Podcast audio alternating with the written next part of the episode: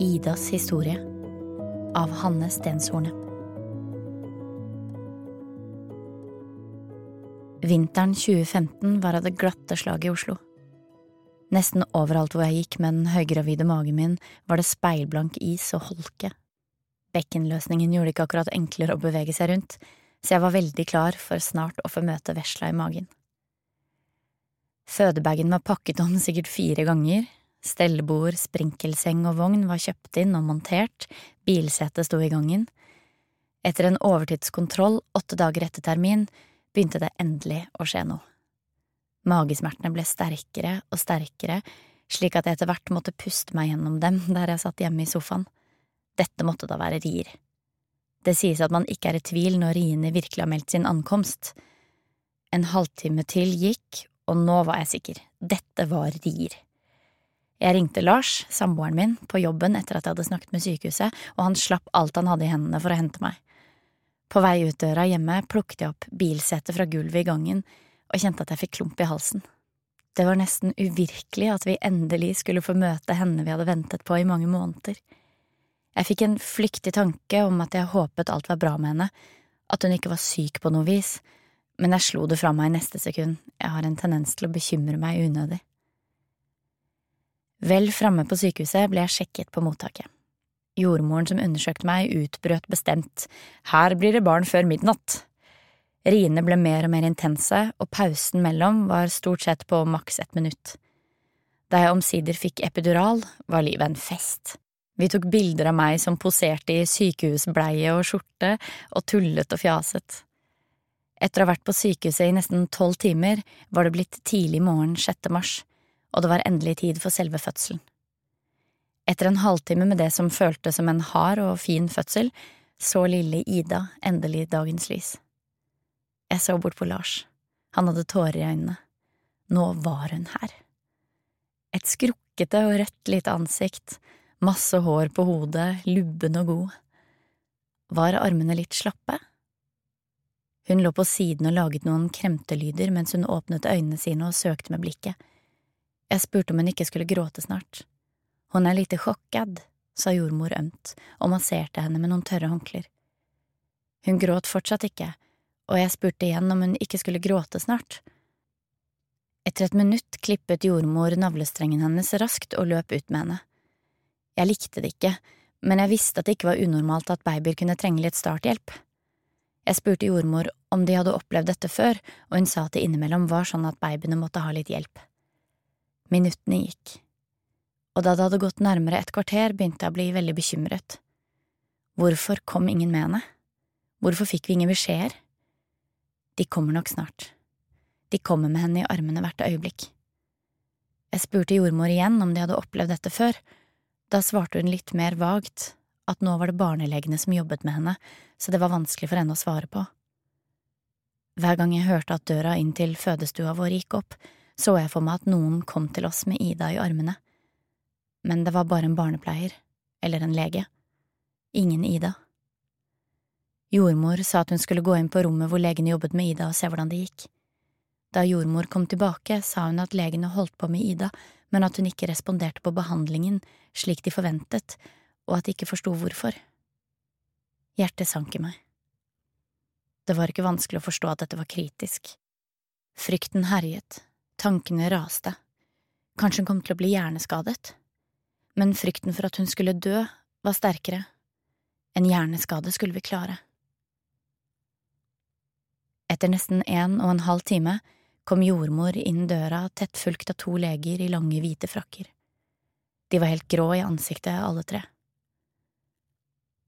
Vi klarte dessverre ikke å redde henne, sa overlegen, som sto fremst.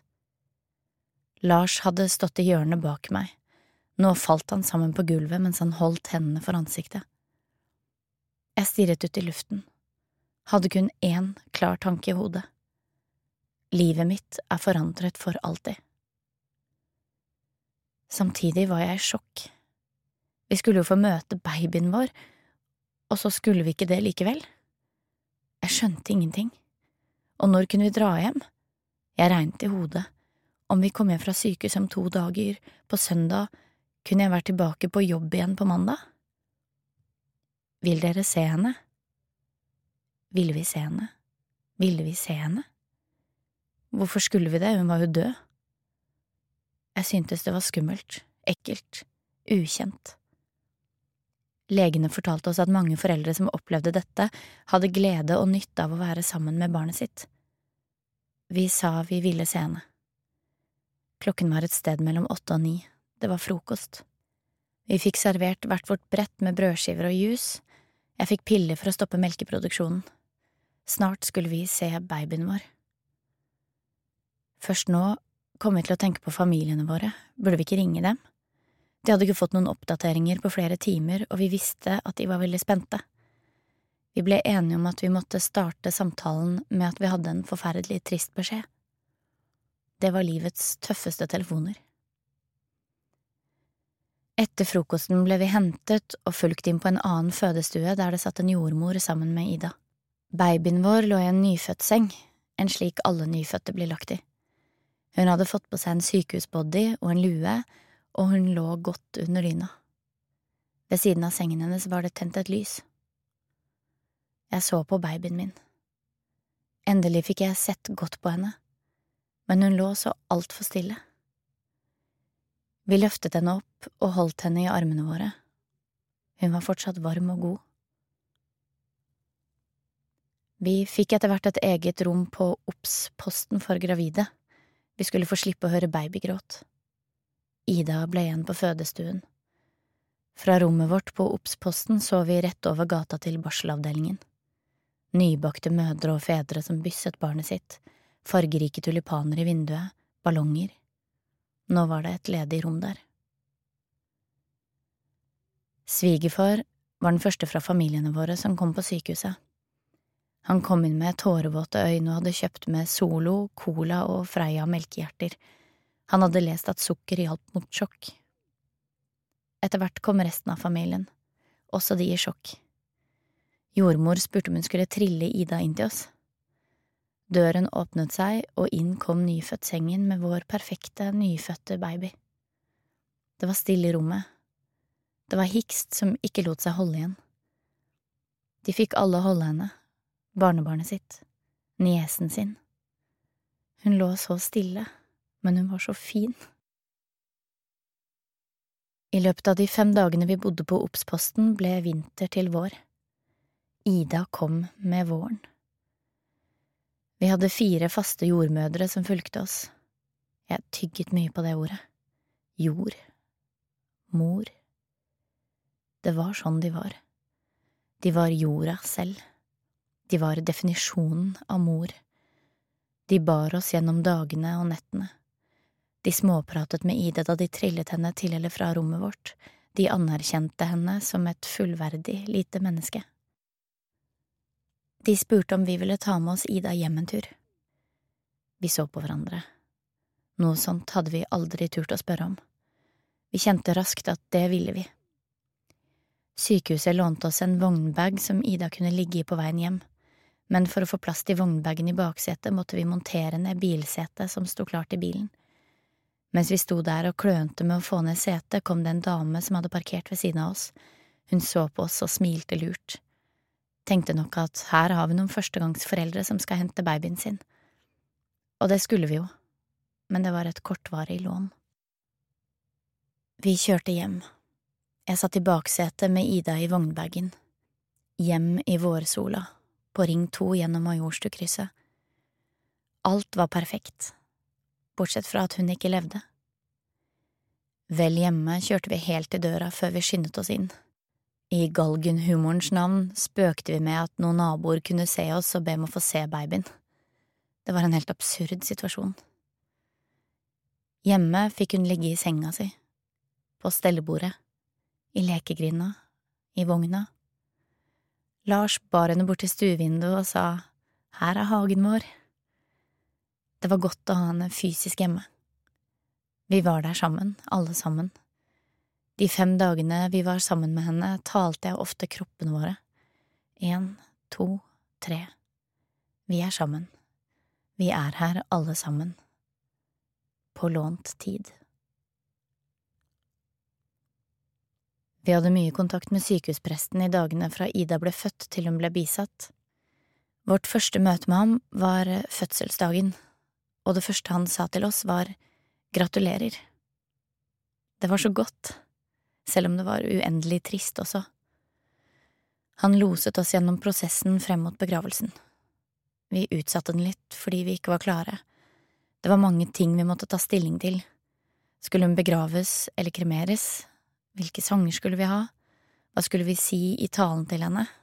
Hvem skulle komme i bisettelsen? Hvor skulle hun ha graven sin? Hva slags gravstein skulle hun ha? Hvem skulle kjøre henne til krematoriet? Begravelsen ble verdig og fin, selv om jeg følte at jeg ikke var helt til stede. Alt var så absurd og uvirkelig.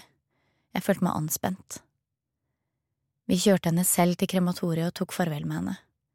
Hun fikk med seg en bamse, noen bilder av oss og teksten vi hadde skrevet til henne, samt et armbånd jeg fikk til min dåp, og et halvt sølvhjerte der det var gravert mamma og pappa. Etter begravelsen var det stille. Jeg var fortsatt i barselpermisjon, og Lars var sykemeldt. De første dagene og ukene hadde foreldrene våre laget en vaktliste som gikk ut på at en av dem daglig kom til oss med middag og spiste og snakket med oss. Noe av det mest energikrevende var å lage mat. Vi hadde verken lyst eller tiltak. Det var veldig godt å bli passet på. Påsken kom ganske rett etter begravelsen. Vi valgte bort hyttetur og ble hjemme i Oslo. Vi dro på bilturer, spiste lunsj ute og så på at verden spant videre som om ingenting hadde skjedd. Vi vasket vinduene hjemme i leiligheten, og etterpå satte vi oss i hagen og drakk champagne. Vi gjorde det som falt oss inn. En dag vi satt i hagen, kom en mann med en dachs forbi hekken. Dachsens ben gikk som trommestikker, men kroppen beveget seg knapt fremover. Vi fikk helt latterkrampe. Og det var så godt å le. Hver pause fra sorgen var kjærkommen, for snart slo den innover oss med full styrke igjen. I starten orket vi ikke å være alene, jeg kunne ikke slippe Lars ut av syne mens jeg var på badet engang. Jeg lurte på om jeg noen gang ville takle å være alene igjen. Vi måtte sove tett inntil hverandre med hele kroppen. Jeg var veldig redd for at flere rundt meg skulle dø, var redd for Lars bare han skulle kjøre til jobb eller ut en liten tur. Livet føltes så veldig skjørt. Angsten for ikke å få flere barn hang som en mørk skygge over meg. Ida måtte bli storesøster en dag. Jeg gikk mye turer i vårsola, og barnevognene spratt frem overalt. Høygravide mager var uutholdelig å se. De hadde gått gravide samtidig med meg, men de hadde fortsatt et vinnerlodd. Jeg følte meg mislykket og annerledes som ikke hadde babyen min. Jeg hadde barselkropp og barnevogn, men ingen baby å legge i vognen. Det føltes blodig urettferdig. Da var det godt med moren min ved siden av meg, som på en av turene vi gikk, hvisket til meg når vi så gravide mager eller barnevogner, nå går vi bort og bokser til dem. Svart humor. Etter noen måneder var obduksjonsrapporten klar, og vi fikk svar på hva som hadde skjedd. På vei ut av magen hadde Ida sannsynligvis fått akutt oksygenmangel og derfor prøvd å puste med lungene. Hun hadde tatt massive innpust, lille venn. Siden hun var over termin, var det en del vernix i fostervannet, det hvite fettet som dekker huden mens babyen ligger i magen. Dette hadde hun pustet inn sammen med fostervannet, noe som førte til at lungene tettet seg helt. Legene prøvde lenge, men de klarte ikke å suge det opp. Ida var frisk og helt klar for livet, men en ulykke rammet på målstreken. En sånn ting som aldri virkelig skjer, men det skjedde med vår lille familie. Det var godt å høre at hun var helt frisk, men så meningsløst at livet ble tatt fra henne nesten før det fikk starte. 4. mai 2016 Det er grytidlig morgen. Lars og jeg besøker Idas grav. Nå blir du snart storesøster, hvisker vi. Ni blytunge måneder nærmer seg slutten. Vi tør å tro at vi får med lillesøster hjem. Rett før klokken 13 kommer hun ut på keislig vis. Jeg rekker ikke å tenke før hun setter i det høyeste skriket. Jeg gråter av lettelse. Hun er så fin.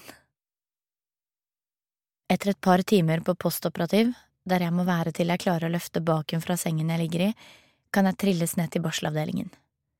Hun og jeg sammen. Idas lillesøster, min levende baby. Jeg har en euforisk følelse i kroppen idet jeg kommer inn i korridoren på barsel. Nå skal jeg hit. Endelig.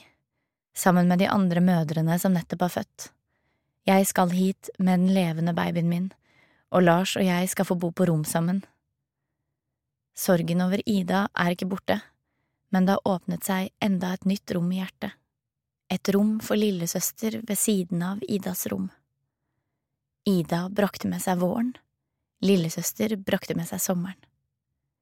Bilsetet står klart i bilen, som står i parkeringshuset på Ullevål. Nå skal jeg ut og trille i sola.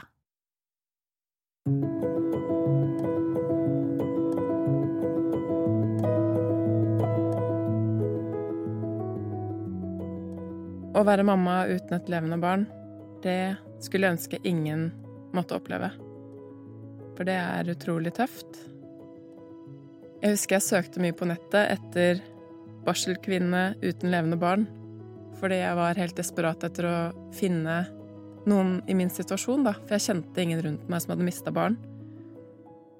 Og så husker jeg fant en blogg, og det å bare lese om at noen hadde opplevd det samme som meg, og, og beskrev de følelsene jeg satt med, da, det var veldig godt.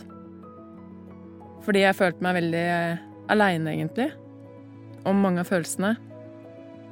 Og det å miste et barn For meg først og fremst var det en dyp, dyp sorg og helt livsendrende. Det satte alt på hodet. Vi hadde jo forberedt oss på at livet skulle bli satt på hodet da Ida ble født, men det ble jo satt på hodet på en helt annen måte enn det vi hadde sett for oss, da. Så det var veldig mange vonde og mørke følelser. Sinne, sorg og misunnelse over andre høygravide og andre med nyfødte barn. Jeg husker jeg syntes det var veldig vondt å se andre gravidmager, eksempel, og veldig vondt å se Det føltes som at våren 2015 så bare spratt det opp barnevogner overalt. Det føltes liksom som alle hadde fått barn det året. Og veldig mange av vennene våre hadde også fått barn. Og så var det vi som satt igjen uten barnet vårt, da. Så det ga en følelse av annerledeshet, en slags mislykkahet, over ikke å ha klart å få barnet, på en måte. Jeg hadde også et traume i forbindelse med fødselen, så det var veldig vanskelig for meg å høre på andre som fortalte om sin fødsel, fordi det bare brakte så mange vonde følelser opp hos meg, da. Og så var det mange frykttanker, husker jeg. Det var veldig mange tanker rundt hva om vi aldri blir foreldre igjen? Hva om dette var sjansen vår? Jeg var jo 35 år, og overalt hvor jeg leste, så sto det at fruktbarheten går ned ved 35, så jeg tenkte ok, kanskje vi aldri får oppleve å få et levende barn, da. Så det var veldig mye eh, Veldig mye frykt knytta til fremtiden også. Jeg hadde også veldig mye angst og uro. Jeg var redd for at andre rundt meg også skulle dø. Det var veldig slitsomt. Eh, og så husker jeg jeg tenkte mye på Kanskje det er vanskelig å bli gravid igjen, da, hvis jeg er så mye redd hele tida. Så det er i hvert fall noe jeg er veldig opptatt av å si, at alle de som har mista et barn, når de blir gravide igjen, de er livredde hele svangerskapet. Og det har på en måte ingen betydning. Barna har det veldig trygt for det. Så det syns jeg Jeg husker jeg leste det da jeg var gravid igjen, og det syns jeg var veldig godt å lese, fordi man blir liksom veldig redd for alt mulig. Så det å vite at uansett hvor redd man er, da, når man er gravid igjen, så, så har barn det bra. Jeg kjente også på en veldig sorg over alt Ida ikke får oppleve. Over at hun ikke fikk oppleve kjærligheten fra besteforeldrene sine og onkler og tanter som hadde gleda seg veldig lenge til å se Ida da. Det syns jeg var og er fortsatt veldig, veldig trist. I dag så har det gått eh, sju og et halvt år, og vi har fått eh, to vakre små barn til. Som fyller livene våre med masse kjærlighet og ganske mye herlig kaos. Og det betyr jo at det ikke er alltid så veldig mye tid til å tenke over ting i dybden heller. Men eh, det er kanskje mest trist å tenke på Ida sju år, da, som hun skulle vært. Eh, det føles som det står en tom pult i andre klasse på skolen hun skulle gått på. Jeg ser jo noen av de som skulle vært vennene hennes, på en måte. Og tenker på de vennene hun ikke får, og kjærester hun ikke får. Og små venner på den skolen som på en måte aldri får vite om henne, da. Det syns jeg er litt vondt å tenke på. Og også litt vondt å tenke på hvordan hun skulle sett ut i dag, da. Samtidig så er det også litt fint å snakke med barna våre om Ida, og Ida har blitt en veldig naturlig del av familien, da. Jeg har en seksåring som sier at du savner Ida, og kan komme med utsagn om hvordan Ida hadde sett ut, da, så kan vi diskutere det litt. Hadde hun hatt brune øyne, blå øyne, krøllete hår, lyst, mørkt? Det er sånne ting som er liksom fint å prate om. Også fireåringen min som sier at han skulle ønske han var en måke, for da kunne han fly opp og hente Ida. Så det er mange sånne godvonde stunder vi har i familien, da. Men jeg syns at vi har integrert Ida på en veldig naturlig måte i familien, da.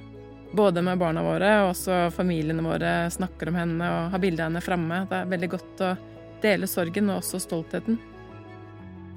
Jeg har jo tre barn, og sånn vil det alltid være. Det å miste Ida har gjort meg mindre redd for ting jeg var mer redd for før, som å følge drømmen min og stå opp for meg sjøl, og jeg er på en måte ikke så redd for alt rundt meg, på en måte. Og samtidig så har det lært meg å sette skikkelig pris på de menneskene jeg har i livet mitt, og gitt meg et eh, perspektiv på hva som virkelig er viktig i livet, da. Så er det en kort vei mellom latter og gråt, og jeg tror jeg viser følelser mye mer enn jeg gjorde før. Mindre redd for å vise følelser og være hele meg da, i en setting. Det syns jeg er veldig godt.